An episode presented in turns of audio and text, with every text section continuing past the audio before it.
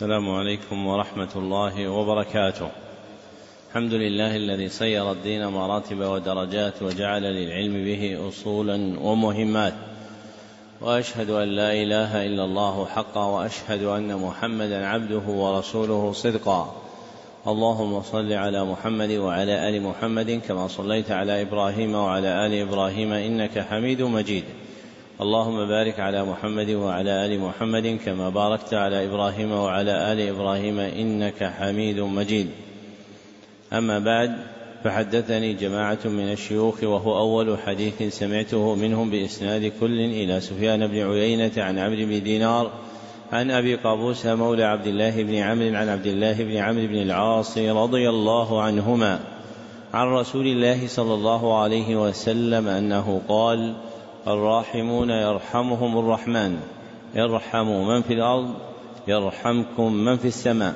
ومن آكد الرحمة رحمة المعلمين بالمتعلمين. في تلقينهم أحكام الدين وترقيتهم في منازل اليقين. ومن طرائق رحمتهم إيقافهم على مهمات العلم بإقراء أصول المتون. وبيان مقاصدها الكلية ومعانيها الإجمالية. ليستفتح بذلك المبتدئون تلقيهم ويجد فيه المتوسطون ما يذكرهم ويطلع منه المنتهون إلى تحقيق مسائل العلم. وهذا المجلس الثاني في شرح الكتاب الحادي عشر من برنامج مهمات العلم في سنته السابعة سبع وثلاثين وأربعمائة وألف وهو كتاب المقدمة الفقهية الصورة على مذهب الإمام أحمد بن حنبل رحمه الله لمصنفه صالح بن عبد الله بن حمد العصيمي. وقد انتهى بنا البيان إلى ما قرأه السارد من فصل مترجم بقوله باب من قوله فصل في الغسل. وذكر فيه خمس مسائل كبار. فالمسألة الأولى بيان حقيقته في قوله وهو استعمال ماء طهور مباح في جميع بدنه على صفة معلومة وهو بقيد جميع بدنه يفارق الوضوء لأن الوضوء يختص بأربعة أعضاء. والمسألة الثانية ذكر فيها المصنف موجبات الغسل وبين أنها سبعة وموجبات الغسل يراد بها أسبابه التي متى وجدت أمر العبد بالغسل. أسبابه التي متى وجدت أمر العبد بالغسل. فالأول انتقال مني ولو لم يخرج. انتقال مني ولو لم يخرج. فإذا أحس الإنسان بانتقال المني ولم يخرج منه وجب عليه الغسل. والرجل يحس, يحس انتقاله في ظهره والمرأة تحس بانتقاله في ترائب صدرها. فمتى وجد هذا الإحساس وجب عليه الغسل عند الحنابلة ولو لم يخرج المني؟ فإذا اغتسل ثم خرج المني لم يعده استغناء بالغسل الأول. ومذهب جمهور العلماء أنه لا يجب وهو الصحيح. فإذا أحس بانتقاله في صلب رجل وصدر امرأة ولم يخرج فلا غسل عليهما. والثاني خروجه من مخرجه وهو القبل. وتشترط لذة في غير نائم ونحوه. فلا بد أن يكون خروجه دفقا بلذة. فلا بد أن يكون خروجه دفقا بلذة أي بشهوة في غير نائم ونحوه. والثالث تغيب حشفة وهي ما تحت الجلدة المقطوعة من الذكر. وهي ما تحت الجلدة المقطوعة من الذكر. أصلية متصلة لا منفصلة بلا حائل. أي بالإفضاء مباشرة في فرج أصلي قبلا أو دبرا في فرج أصلي قبلا أو دبرا فإذا غيبت الحشفة وجب الغسل ولو لم ينزل والرابع إسلام كافر ولو مرتدا فمن كان مسلما ثم ارتد ثم رجع إلى الإسلام فإنه يجب عليه الغسل أيضا. أو مميزا. فإذا كان الكافر الذي دخل في الإسلام مميزا غير بالغ فإنه يجب عليه الغسل أيضا. والخامس خروج دم الحيض وهو دم جبلة يخرج من رحم المرأة وهو دم جبلة يعني الطبيعة يخرج من رحم المرأة في أوقات معلومة. والسادس خروج دم النفاس. خروج دم النفاس. وهو الدم الخارج مع الولادة. وهو الدم الخارج مع الولادة. فإن وجدت الولادة دون دم فلا غسل على المرأة. فإن وجدت الولادة دون دم فلا غسل على المرأة. ولهذا قال فلا يجب بولادة عرت عنه أي خلت من دم النفاس. قال ولا بإلقاء علقة أو مضغة لا تخطيط فيها أي بطرح علقة وهي الدم الجاف أو مضغة وهي القطعة من اللحم لا تخطيط فيها أي لا صورة فيها للجنين أي لا صورة فيها للجنين فليست ولادة. فليست ولادة والسابع موت تعبدا أي لا تعقل علته فهو مما أمر به دون معرفة المعنى الذي حمل فيه على الأمر. وهذا هو معنى الحكم التعبدي أي ما ليس له علة معقولة أي ما ليس له علة معقولة. ويستثنى من ذلك شهيد معركة ومقتول ظلما. فمن كان شهيد معركة أو قتل أو قتل ظلما فلا يجب غسل غسله. ثم ذكر المسألة الثالثة وفيها بيان فروض الغسل وأنها سبعة. الأول انقطاع ما يوجبه وهي الأسباب المتقدمة فلا يشرع في غسل حتى يفرغ بموجبه فلا يشرع في غسل حتى يفرغ من موجبه. والثاني النية والثالث الإسلام والرابع العقل والخامس التمييز والسادس الماء الطهور المباح والسابع إزالة ما يمنع وصوله إلى البشرة. وتقدم القول فيهن في باب في فصل الوضوء. ثم ذكر المسألة الرابعة وفيها بيان واجب الغسل. وهو واحد ذكره بقوله التسمية مع الذكر أي قول بسم الله مع تذكرها أي قول بسم الله مع تذكرها فإن لم يذكرها كناس وساه ومثله جاهل فإنها لا تجب عليه. وتبعا لما تقدم من رجحان القول باستحباب التسمية في الوضوء فتكون مستحبة في الغسل. وثبت فيها عن عمر بن الخطاب عند ابن المنذر في الأوسط أنه أراد أن يغتسل فقال بسم الله أي في ابتداء غسله.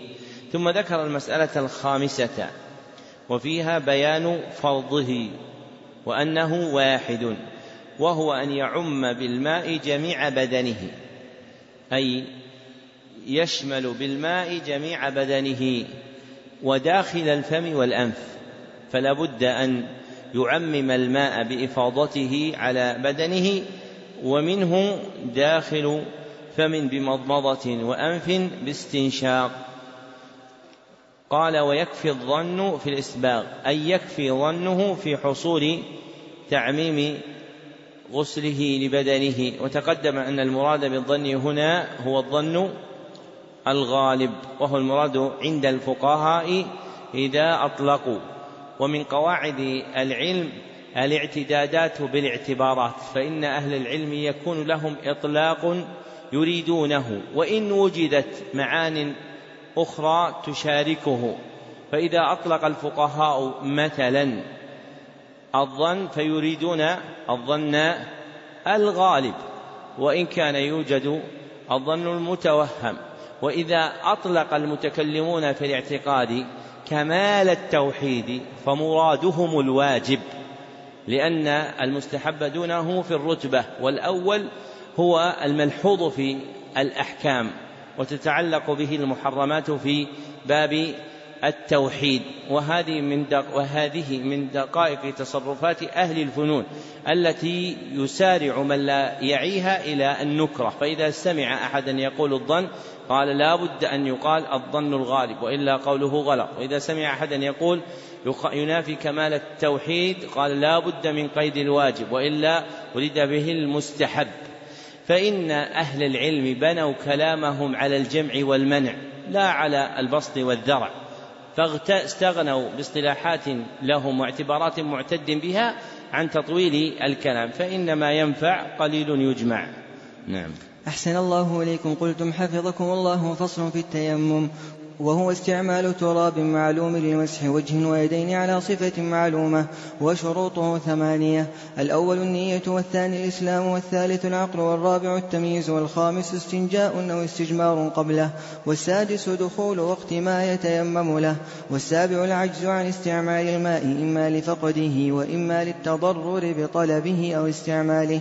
والثامن أن يكون بتراب طهور مباح غير محترق له غبار يعلق باليد وواجب التسمية مع الذكر وفروضه أربعة. الأول مسح الوجه والثاني مسح اليدين إلى الكوعين والثالث الترتيب والرابع موالاة بقدرها في وضوء ويسقطان مع تيمم مع حدث أكبر. ومبطلاته أربعة. الأول مبطل ما تيمم له والثاني خروج الوقت والثالث وجود ماء مقدور على استعماله بلا ضرر والرابع زوال مبيح له. عقد المصنف وفقه الله فصلا آخر من فصول كتابه. ترجم له بقوله فصل في التيمم. ذكر فيه خمس مسائل كبار. المسألة الأولى في بيان حقيقته وهي المذكورة في قوله وهو استعمال تراب معلوم لمسح وجه ويدين على صفة معلومة. فالتيمم يفارق أصليه المتقدمين. الوضوء والغسل في ثلاثة أشياء. أولها أن المستعمل فيه تراب معلوم. أن المستعمل فيه تراب معلوم. لا ماء طهور. لا ماء طهور. وثانيها أنه يتعلق بعضوين لا بأربعة أعضاء كالوضوء ولا بجميع البدن كالغسل.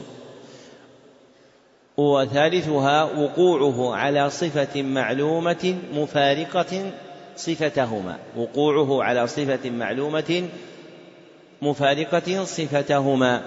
ثم ذكر المسألة الثانية وفيها بيان شروط التيمم وأنها ثمانية.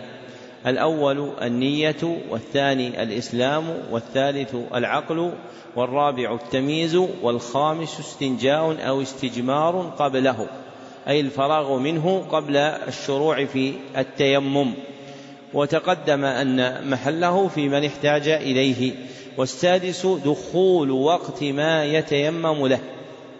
فلا يقدم التيمم لصلاة قبل وقتها. فلا يقدم التيمم لصلاة قبل وقتها. والراجح عدم اشتراطه. فلو تيمم لظهر قبل دخول وقتها صح. فلو تيمم لظهر قبل وقتها صح. وهو مذهب أبي حنيفة. والسابع تعذر الماء لعدمه أو لعجز عن استعماله. إما لفقده وإما للتضرر بطلبه أو استعماله. فإذا عدم الماء أي لم يوجد أو كان موجودا لكن عجز عن استعماله للتضرر به فيجوز له أن يتيمم. والثامن أن يكون بتراب طهور مباح غير محترق له غبار يعلق باليد. فهذه صفة التراب المعلومة. التي أشار إليها بقوله بتراب استعمال تراب معلوم. فالمتيمم به هو التراب. واختار ابن تيمية الحفيد صحة التيمم بكل ما كان من وجه الأرض وهو الراجح. صحة التيمم بكل ما كان من وجه الأرض كرمل أو صخر أو غير ذلك. وشروط تراب التيمم أربعة. وشروط تراب التيمم أربعة. أولها أن يكون طهورا لا نجسا ولا طاهرا. أن يكون طهورا لا نجسا ولا طاهرا. والتراب النجس هو المتغير بالنجاسة. والتراب النجس هو المتغير بالنجاسة. والتراب الطاهر هو المتناثر من استعماله في طهارة.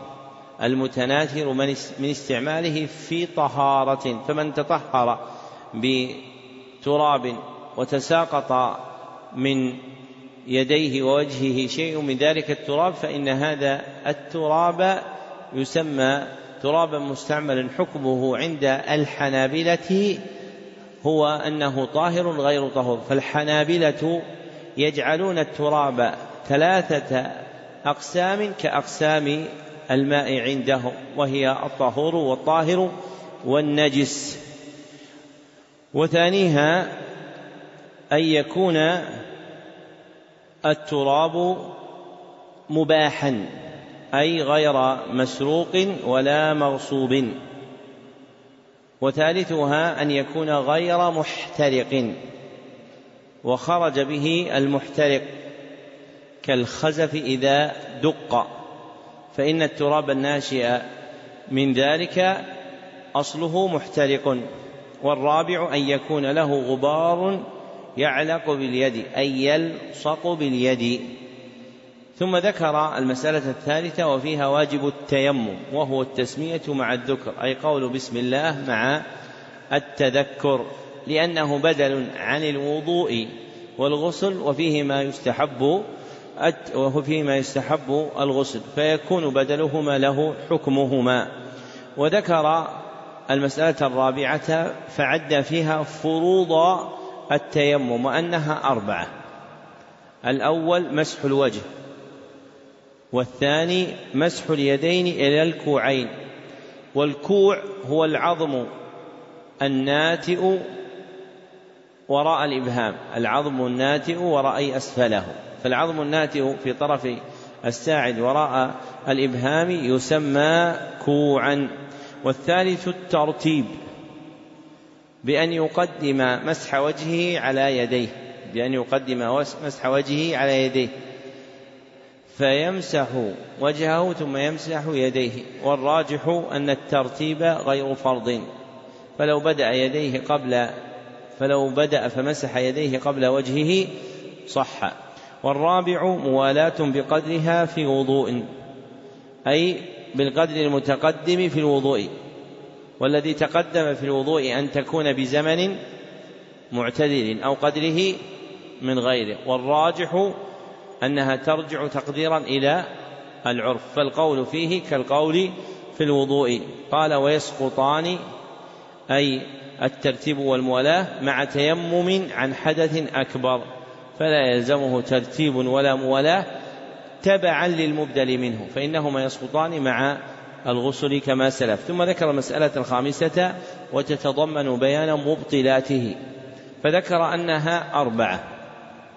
الأول مبطل ما تيمم له فإذا كان تيمم لوضوء صارت نواقضه مبطلات التيمم. وإن تيمم عن غسل صارت موجبات الغسل مبطلات التيمم. والثاني خروج الوقت أي خروج وقت الصلاة التي تيمم لها. أي خروج وقت الصلاة التي تيمم لها. لأن من شرطه أن يتيمم للصلاة بعد دخول وقتها. لأن من شرطه كما تقدم أن يتيمم للصلاة بعد دخول وقتها فإذا خرج وقتها بطل تيممه. واستثنوا من ذلك صورتين واستثنوا من ذلك صورتين. الأولى من تيمم لجمعة ففاتته. من تيمم لجمعة ففاتته فإنه يصلي الظهر بتيممه فإنه يصلي الظهر بتيممه. وإن كان تيمم قبل دخول وقت صلاة الظهر. فالمذهب عند الحنابلة أن الجمعة تصح قبل الزوال فلو تيمم لها مع دخول الزوال قبل فلو تيمم لها قبل الزوال ولم يدخل بعد وقت الظهر ثم جاء إلى مسجد الجمعة ففاتته الصلاة. فإنه يصح له أن يصلي الظهر بهذا التيمم وإن كان تيمم قبل دخول وقت صلاة الظهر. والثانية إن نوى الجمع في وقت الثانية من يباح له الجمع. من نوى الجمع في وقت الثانية من يباح له الجمع. وقدم التيمم في أول وقت الأولى. وقدم التيمم في وقت في أول وقت الأولى. كمن سافر مسافة قصر فأراد أن يجمع بين الظهر والعصر في وقت آخرهما أي في آخر وقت الثانية وتيمم في وقت الأولى. فإن خروج وقت الأولى لا يبطل تيممه. فإن خروج وقت الأولى لا يبطل تيممه. لماذا؟ أحسنت. لأن الوقتين صارا وقتا واحدا بالجمع. لأن الوقتين صارا وقتا واحدا بالجمع.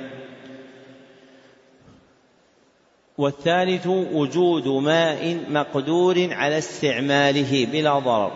وجود ماء مقدور على استعماله بلا ضرر. فإذا وجد الماء وكان قادرا على استعماله بلا ضرر بطل التيمم. ووجب عليه أن يستعمله. والرابع زوال مبيح له أي زوال العذر الذي كان قائما به أي زوال العذر الذي كان قائما به مانعا له من استعمال الماء. فإذا زال عذره بطل تيممه وأوجب عليه أن يستعمل الماء بوضوء أو غسل حسب حدثه. نعم. قلت محسن الله إليكم فصل في الصلاة وهي أقوال وأفعال معلومة مفتتحة بالتكبير مختتمة بالتسليم وشروط الصلاة نوعان شروط وجوب وشروط صحة فشروط وجوب الصلاة أربعة الأول الإسلام والثاني العقل والثالث البلوغ والرابع النقاء من الحيض والنفاس وشروط صحة الصلاة تسعة. الأول الإسلام والثاني العقل والثالث التمييز والرابع الطهارة من الحدث والخامس دخول الوقت والسادس ستر العورة ما لا يصف البشرة.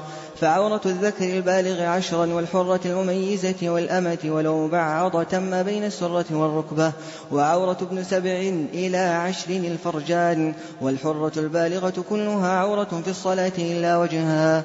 وشرط في فرض الرجل البالغ ستر جميع أحد عاتقيه بلباس. والسابع اجتناب نجاسة غير معفو عنها في بدن وثوب وبقعة. والثامن استقبال القبلة والتاسع النية.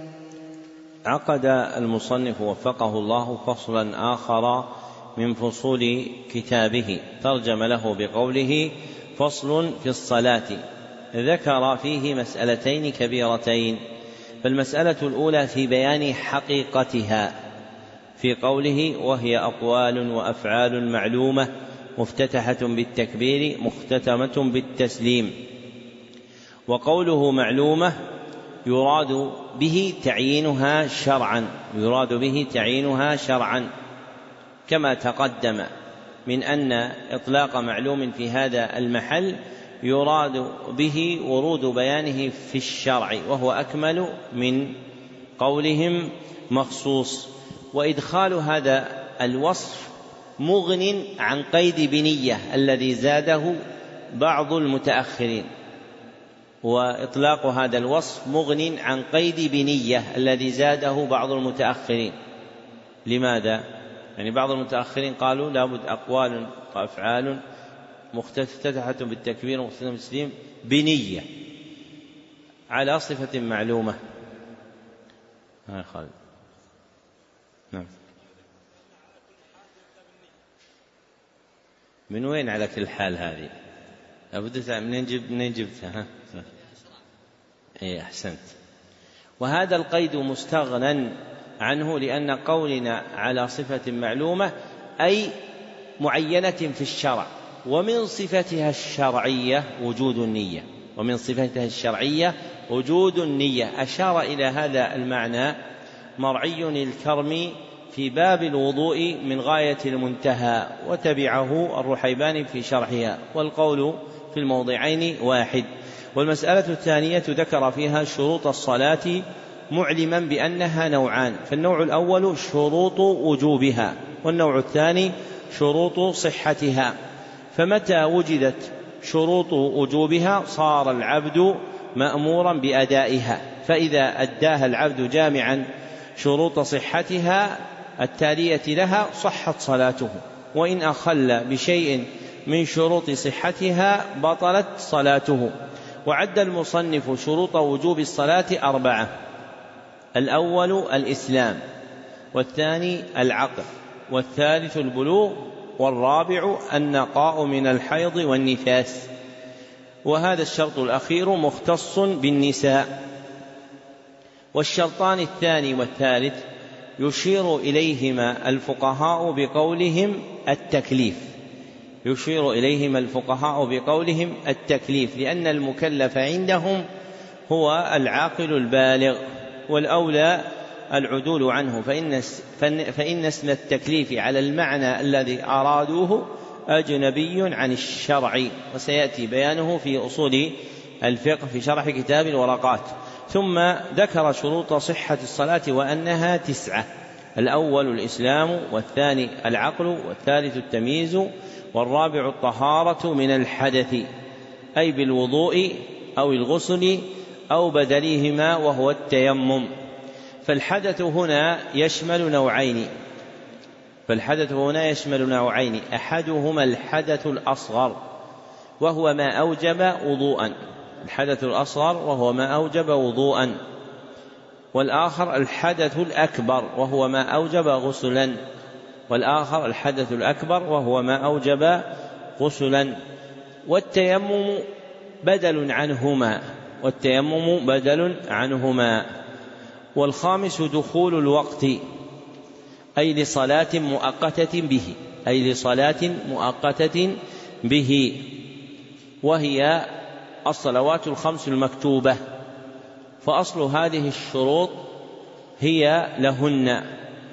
والسادس ستر العورة بما لا يصف البشرة. ستر العورة بما لا يصف البشرة.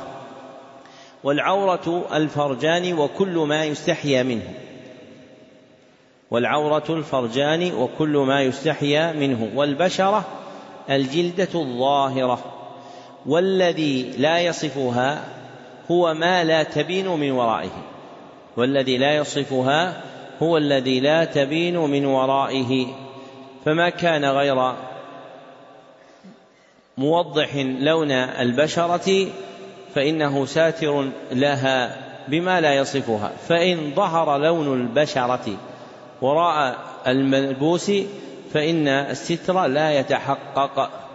ثم بين المصنف ما يتعلق بهذه الجملة من العورات فذكر أن عورات الصلاة المذكورة هنا ثلاثة أن عورات الصلاة المذكورة هنا ثلاثة. النوع الأول ثلاثة أنواع. النوع الأول ما بين السرة والركبة. ما بين السرة والركبة. وهي عورة الذكر البالغ عشرا. وهي عورة الذكر البالغ عشرا. والحرة المميزة. والحرة المميزة. والأمة. أي المملوكة ولو مبعضة أي قد عتق بعضها وبقي بعضها قنا لم يعتق أي عتق بعضها وبقي بعضها قنا لم يعتق. والنوع الثاني الفرجان وهو عورة ابن سبع إلى عشر وهو عورة ابن سبع إلى عشر. فمن لم يبلغ عشرا فعورته فمن لم يبلغ عشرا فعورته الفرجان. فمن لم يبلغ عشرا فعورته الفرجان بين السابعة والعاشرة. والنوع الثالث البدن كله البدن كله إلا الوجه وهو عورة الحرة البالغة وهو عورة الحرة البالغة فإنها كلها في الصلاة عورة إلا وجهها. وفي رواية عن أحمد وقدميها وكفيها أيضا وهو الراجح. وفي رواية عن أحمد وقدميها وكفيها أيضا. فمستثنيات فهؤلاء الثلاث مستثنيات من عورتها في الصلاة. ومحل الاستثناء في غير حضرة الرجال الأجانب ومحل الاستثناء في غير حضرة الرجال الأجانب. فإن كانت بحضرتهم فهي عورة كلها ولو في صلاة. وقوله في النوع الأول ما بين السرة والركبة إعلام بأن السرة والركبة ليس من العورة. إعلام بأن الركبة والعورة أو بأن الركبة والسرة ليس من العورة فهما حدودها فهما حدودها. ثم ذكر أمرا زائدا يتعلق بستر العورة فقال وشرط في فرض الرجل البالغ أي لا نفله. ستر جميع أحد عاتقيه بلباس. والعاتق موضع الرداء من المنكب موضع الرداء من المنكب. وكل إنسان له عاتقان. فيجب عند الحنابلة ستر العاتق في الصلاة بشرطين. ستر العاتق في الصلاة بشرطين. أحدهما أن تكون فرضا. أحدهما أن تكون فرضا. والآخر أن يكون في حق رجل بالغ. أن يكون في حق رجل بالغ.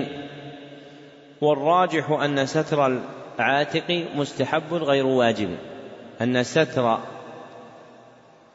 العاتق مستحب غير واجب.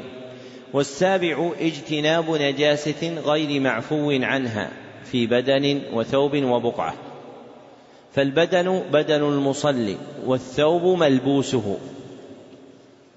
والبقعة موضع صلاته من الأرض. والبقعة موضع صلاته من الأرض. والنجاسة التي لا يعفى عنها ما يمكن اجتنابه والتحرز منه. والنجاسة التي يعفى عنها ما لا ما يمكن اجتنابه ما يمكن اجتنابه والتحرز منه. فيعفى فيعفى عنه فيعفى عما لا يمكن احترازه. أما ما يمكن التحرز منه فهذا غير معفو عنه. والثامن استقبال القبلة. استقبال القبلة إلا لعاجز ومتنفل في سفر مباح ولو قصيرا. إلا لعاجز ومتنفل في سفر مباح ولو قصيرا. فاستقبال القبلة شرط عند الحنابلة إلا في حالين. الحال الأولى حال العاجز حال العاجز. ككثير جبر فعلقت رجله في غير جهة القبلة. ككثير جبر جبر فعلقت رجله في غير جهة القبلة.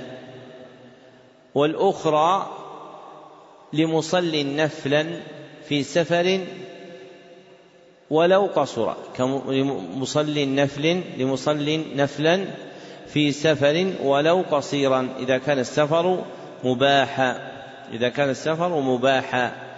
وفرض القبلة في هذا الشرط أحد شيئين وفرض القبلة في هذا الشرط أحد شيئين. أحدهما استقبال عينها استقبال عينها. والمراد أن يصيبها ببدنه كله. والمراد أن يصيبها ببدنه كله. فيكون بدنه كله في جهتها وهذا فرض من قرب منها وهذا فرض من قرب منها. والثاني إصابة جهتها إصابة جهتها وهذا فرض من بعد عنها وهذا فرض من بعد عنها ولا يقدر على معاينتها ولا ينتهي إلى تعيينها بيقين فيستقبل الجهة دون العين فيستقبل الجهة دون العين. يعني لو أن إنسانا صلى في رحبة الحرم وحال عمود بينه وبين القبلة فصلى وهو يتوهم أنه وهو يصلي إلى العمود أن الكعبة من ورائه فلما فرغ من صلاته نظر فإذا الكعبة في جهة أخرى فإن صلاته إيش صحيحة ولا باطلة؟ باطلة لأنه يجب عليه أن يستقبل عين القبلة فمن قرب منها ضاقت عليه ومن بعدت منها اتسعت له فلو أن أحدا اتجه إلى القبلة في المدينة فلما فرغ من صلاته في الجهة التي يقدر أنها جهة القبلة جاءه آت من أهل تلك المحلة فقال القبلة إلى يمينك قليلا فإن صلاته صحيحة لأن الانحراف اليسير لا يضر مع بعد المسافة فالأمر كما ذكرت آنفا. أنه إذا قرب منها ضاق الأمر وإذا بعد عنها اتسع الأمر. والتاسع النية وتقدم بيان معناها. نعم.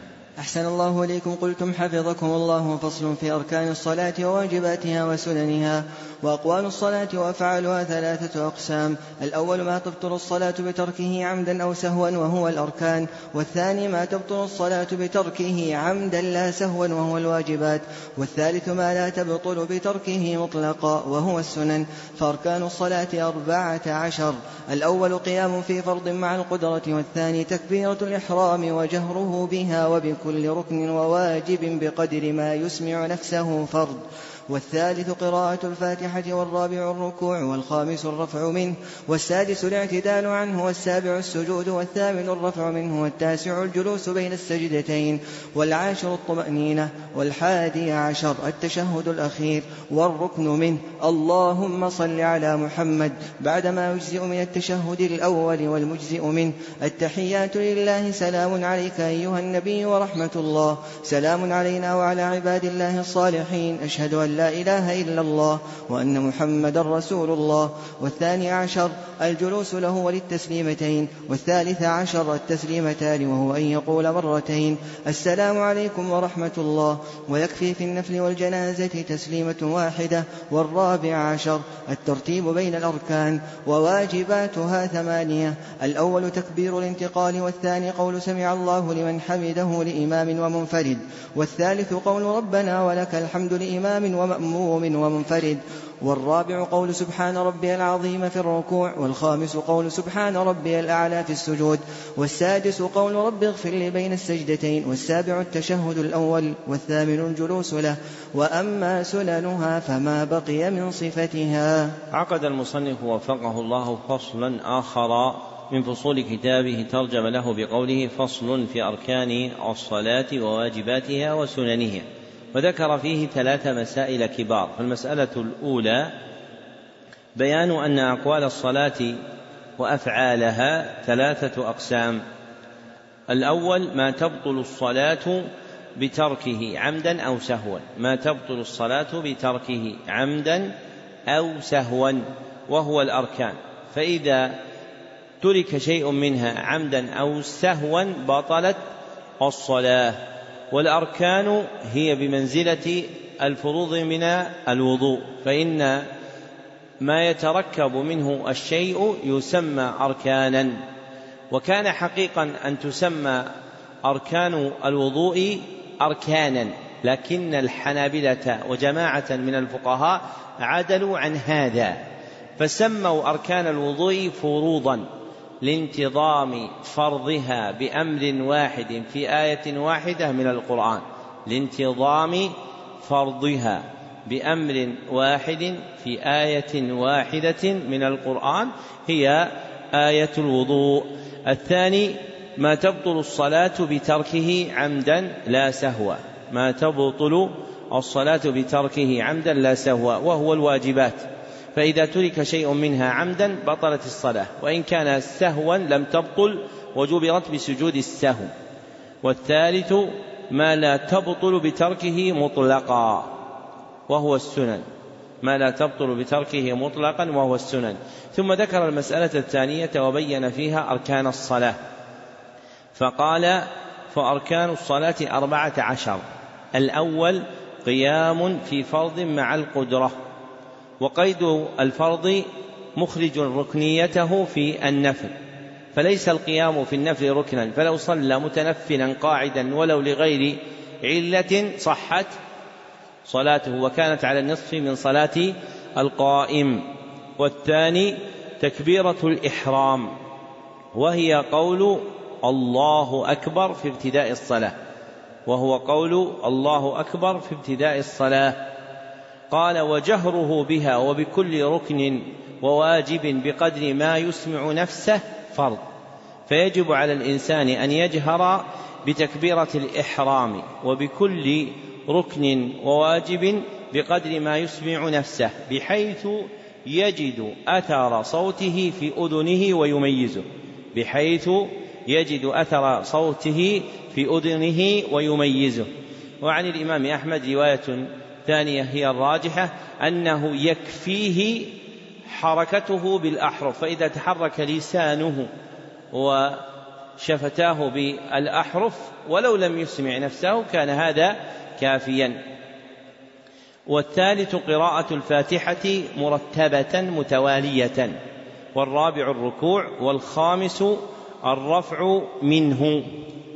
واستثنى الحنابلة ركوعا ورفعا بعد أول ركوع ورفع في خسوف وكسوف في كل ركعة. واستثنى الحنابلة من ذلك ركوعا ورفعا منه بعد ركوع أول في كسوف وخسوف. فالركوع والرفع الذي يكون ركنا في صلاة الخسوف والكسوف هو الذي يكون في أول ركوع ورفع في الركعة. وأما الثاني فإنه زائد. والسادس الاعتدال عنه. والسابع السجود. والثامن الرفع منه. والتاسع الجلوس بين السجدتين. والعاشر الطمأنينة. والحادي عشر التشهد الأخير. والركن منه عند الحنابلة. اللهم صل على محمد. دون بقية الصلاة الإبراهيمية. ولو على آله. صلى الله عليه وعلى آله وصحبه. قال بعد ما يجزئ من التشهد الأول. فيأتي بالمجزئ من التشهد الأول ثم يزيد عليه اللهم صل على محمد. والمجزئ عند الحنابلة هو قول التحيات لله. سلام عليك أيها النبي ورحمة الله. سلام علينا وعلى عباد الله الصالحين. أشهد أن لا إله إلا الله وأن محمدا رسول الله. والصحيح أن المجزئ هو الوارد في اللفظ النبوي ليس غير والصحيح أن المجزئ هو الوارد في اللفظ النبوي ليس غير وفقهاء الحنابلة عمدوا إلى اختصار جمله وفق ما ذكروه. فيأتي بالوارد في التشهد باللفظ النبوي ثم يصلي على النبي عليه الصلاة والسلام بما صح عنه من ألفاظ الصلاة التي رواها أصحابه كابن مسعود وابن عباس وكعب بن عجرة وغيرهم. والثاني عشر الجلوس له أي للتشهد الأخير وللتسليمتين. والثالث عشر التسليمتان. وهو أن يقول مرتين السلام عليكم ورحمة الله. والراجح أن الركن منهما هي التسليمة الأولى. ونقل أبو الفرج بن رجب إجماع الصحابة على ذلك. وذكر ابن المنذر الإجماع على صحة صلاة من اقتصر على تسليمة واحدة. قال ويكفي في النفل والجنازة تسليمة واحدة. فالجنازة والنفل يكفي فيهما أن يسلم تسليمة واحدة. والرابع عشر الترتيب بين الأركان كما ذكر.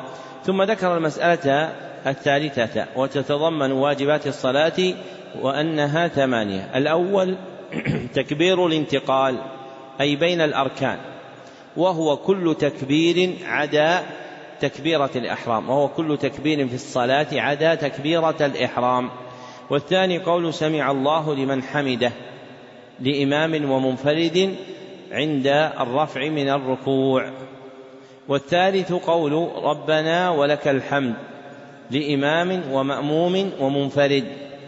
يقولها الإمام والمنفرد حال اعتدالهما. يقولها الإمام والمنفرد حال اعتدالهما. ويقولها المأموم حال ارتفاعه. ويقوله المأموم حال ارتفاعه. والراجح أن المأموم مثلهما يقوله حال اعتداله يقوله حال اعتداله. والرابع قول سبحان ربي العظيم في الركوع. والخامس قول سبحان ربي الأعلى في السجود. والسادس قول ربي اغفر لي بين السجدتين. والسابع التشهد الأول والثامن الجلوس له أي للتشهد الأخير. وما بقي سوى الأركان والواجبات مما نقل في صفة الصلاة فهو سنن الصلاة. هذا معنى قولها قوله وأما سننها فما بقي من صفتها أي ما بقي من الصفة الشرعية سوى ما تقدم في الأركان والواجبات فإنه يسمى سنة. نعم. أحسن الله إليكم. قلتم حفظكم الله. فصل في مواقيت الصلاة. ووقت صلاة الظهر من زوال الشمس وهو ميلها عن وسط السماء إلى أن يصير ظل الشيء مثله بعد ظل الزوال. ثم يليه وقت صلاة العصر من خروج وقت الظهر إلى أن يصير ظل الشيء مثليه بعد ظل الزوال. وهو آخر وقتها المختار. وما بعد ذلك وقت ضرورة إلى غروب الشمس. ثم يليه وقت المغرب من غروب الشمس إلى مغيب الشفق الأحمر. ثم يليه الوقت المختار إلى العشاء إلى ثلث الليل الأول ثم هو وقت ضرورة إلى طلوع الفجر الثاني وهو البياض المعترض بالمشرق ولا ظلمة بعده ثم يليه وقت الفجر من طلوع الفجر الثاني إلى شروق الشمس. عقد المصنف وفقه الله فصلا آخر من فصول كتابه ترجم له بقوله فصل في مواقيت الصلاة أي الزمانية لا المكانية. فمواقيت الصلاة المكانية هو وجه الأرض كلها إلا ما استثني. هو وجه الأرض كلها إلا ما استثني. فذكر فيه خمس مسائل كبار. فالمسألة الأولى في بيان وقت الظهر في قوله ووقت صلاة الظهر من زوال الشمس. وفسر زوال الشمس بميلها عن وسط السماء أي إلى جهة الغروب. فإن الشمس تشرق من المشرق فلا تزال ترتفع حتى تتوسط السماء. فإذا انحنت إلى الغروب سمي هذا زوالا. قال إلى أن يصير ظل الشيء مثله بعد ظل الزوال. فمبتدأ صلاة الظهر من زوال الشمس ومنتهاها إلى أن يصير ظل الشيء مثله بعد ظل الزوال. فإذا انتهت الأشياء إلى الزوال كان لها ظل. يسمى ظل الزوال. ومنتهى صلاة الظهر أن تحسب ظل الشيء وتضيف إليه ظل الزوال فيكون ذلك نهاية وقت الظهر. فلو قدر أن ظل الشيء هو ثلاثون سنتيمتر وأن ظل الزوال كان له عشر سنتيمترات. فإن نهاية وقت الظهر يكون إذا كان الظل مجموعه أربعين سنتيمترا. ثم ذكر المسألة الثانية وبين فيها وقت العصر فقال ثم يليه وقت العصر من خروج وقت الظهر فهي تالية لها متصلة بها. فإذا خرج وقت الظهر ابتدأ وقت العصر ومنتهاه هو المذكور في قوله إلى أن يصير ظل الشيء مثليه بعد ظل الزوال. فظل الشيء الذي تقدم وهو ثلاثون سنتيمترا يكون مثليه ستون سنتيمترا. فإذا أضيف إلى ظل الزوال صار سبعون سنتيمترا. فصار هذا هو منتهى صلاة العصر إذا منتهى وقت صلاة العصر إذا بلغه. قال وهذا آخر وقتها المختار يعني الذي تفعل فيه على وجه الاختيار. وما بعد ذلك وقت ضرورة إلى غروب الشمس. ووقت الضرورة هو ما يصلح لأدائها لمن كان له عذر. ما يصلح لأدائها لمن كان له عذر. أما من لا عذر له فلا يجوز له تأخيرها إليه. أما من لا عذر له فلا يجوز له تأخيرها إليه. ثم ذكر المسألة الثالثة مبينا وقت المغرب فقال ثم يليه وقت المغرب من غروب الشمس إلى مغيب الشفق الأحمر. والأحمر صفة كاشفة للشفق مبينة له فالشفق أحمر. ووقت المغرب من غروب الشمس أي ذهاب قرص الشمس بغيابه فإذا غاب قرص الشمس ابتدأ وقتها حتى ينتهي مغيب الشفق الأحمر وهو وهي الحمرة التي تتبع غياب الشمس. ثم ذكر المسألة الرابعة وبين فيها وقت العشاء. فقال ثم يليه الوقت المختار للعشاء إلى ثلث الليل. فمبتدأ وقت العشاء من مغيب الشفق الأحمر ومنتهاه إلى ثلث الليل الأول. والراجح أن منتهى وقت العشاء هو نصف الليل. وهي رواية عن أحمد ثبت فيها حديث عبد الله بن عمرو في صحيح مسلم. ثم هو وقت ضرورة إلى طلوع الفجر الثاني أي وقت صالح لأدائها لمن كان له عذر. فمن كان له عذر فأخرها بعد منتصف الليل فلا إثم عليه. فإن لم يكن له عذر فأخرها حتى ذهب الوقت المختار وصلاها بعد نصف الليل فإنه آثم. قال ثم هو وقت ضرورة إلى طلوع الفجر الثاني فمنتهى وقت العشاء في الضرورة هو طلوع الفجر الثاني. قال وهو البياض المعترض بالمشرق ولا ظلمة بعده. فالفجر الثاني المبين بالوصف المذكور فيه علامتان فيه علامتان.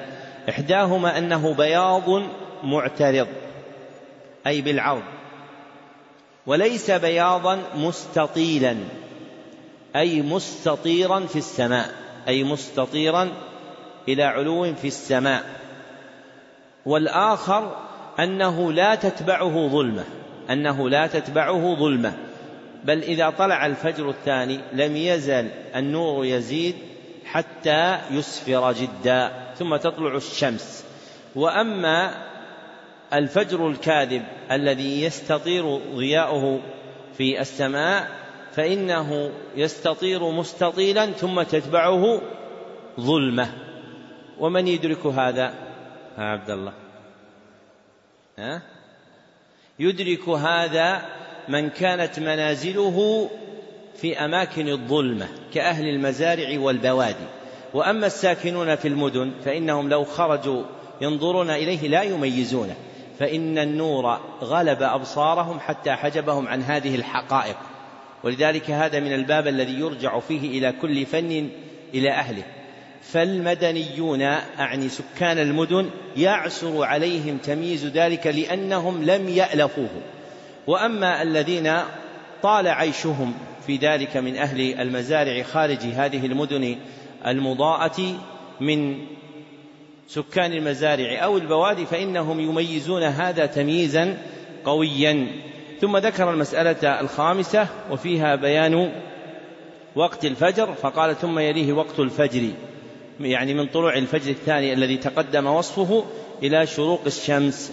أي حتى تطلع الشمس. فإذا طلعت الشمس انتهى وقت الفجر.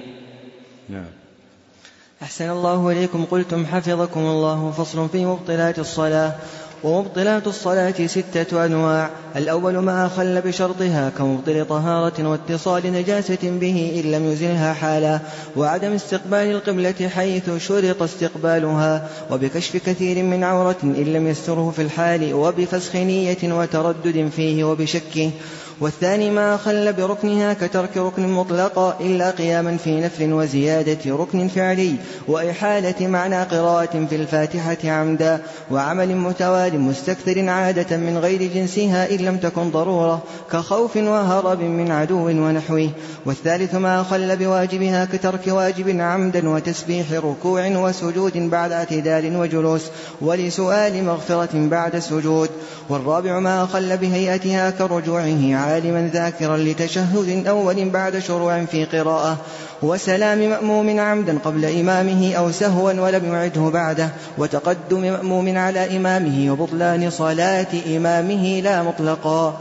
والخامس ما أخل بما يجب فيها كقهقهة قلتم أحسن الله إليكم والخامس ما أخل بما يجب فيها كقهقهة وكلام ولو قل أو سهوا أو مكرها.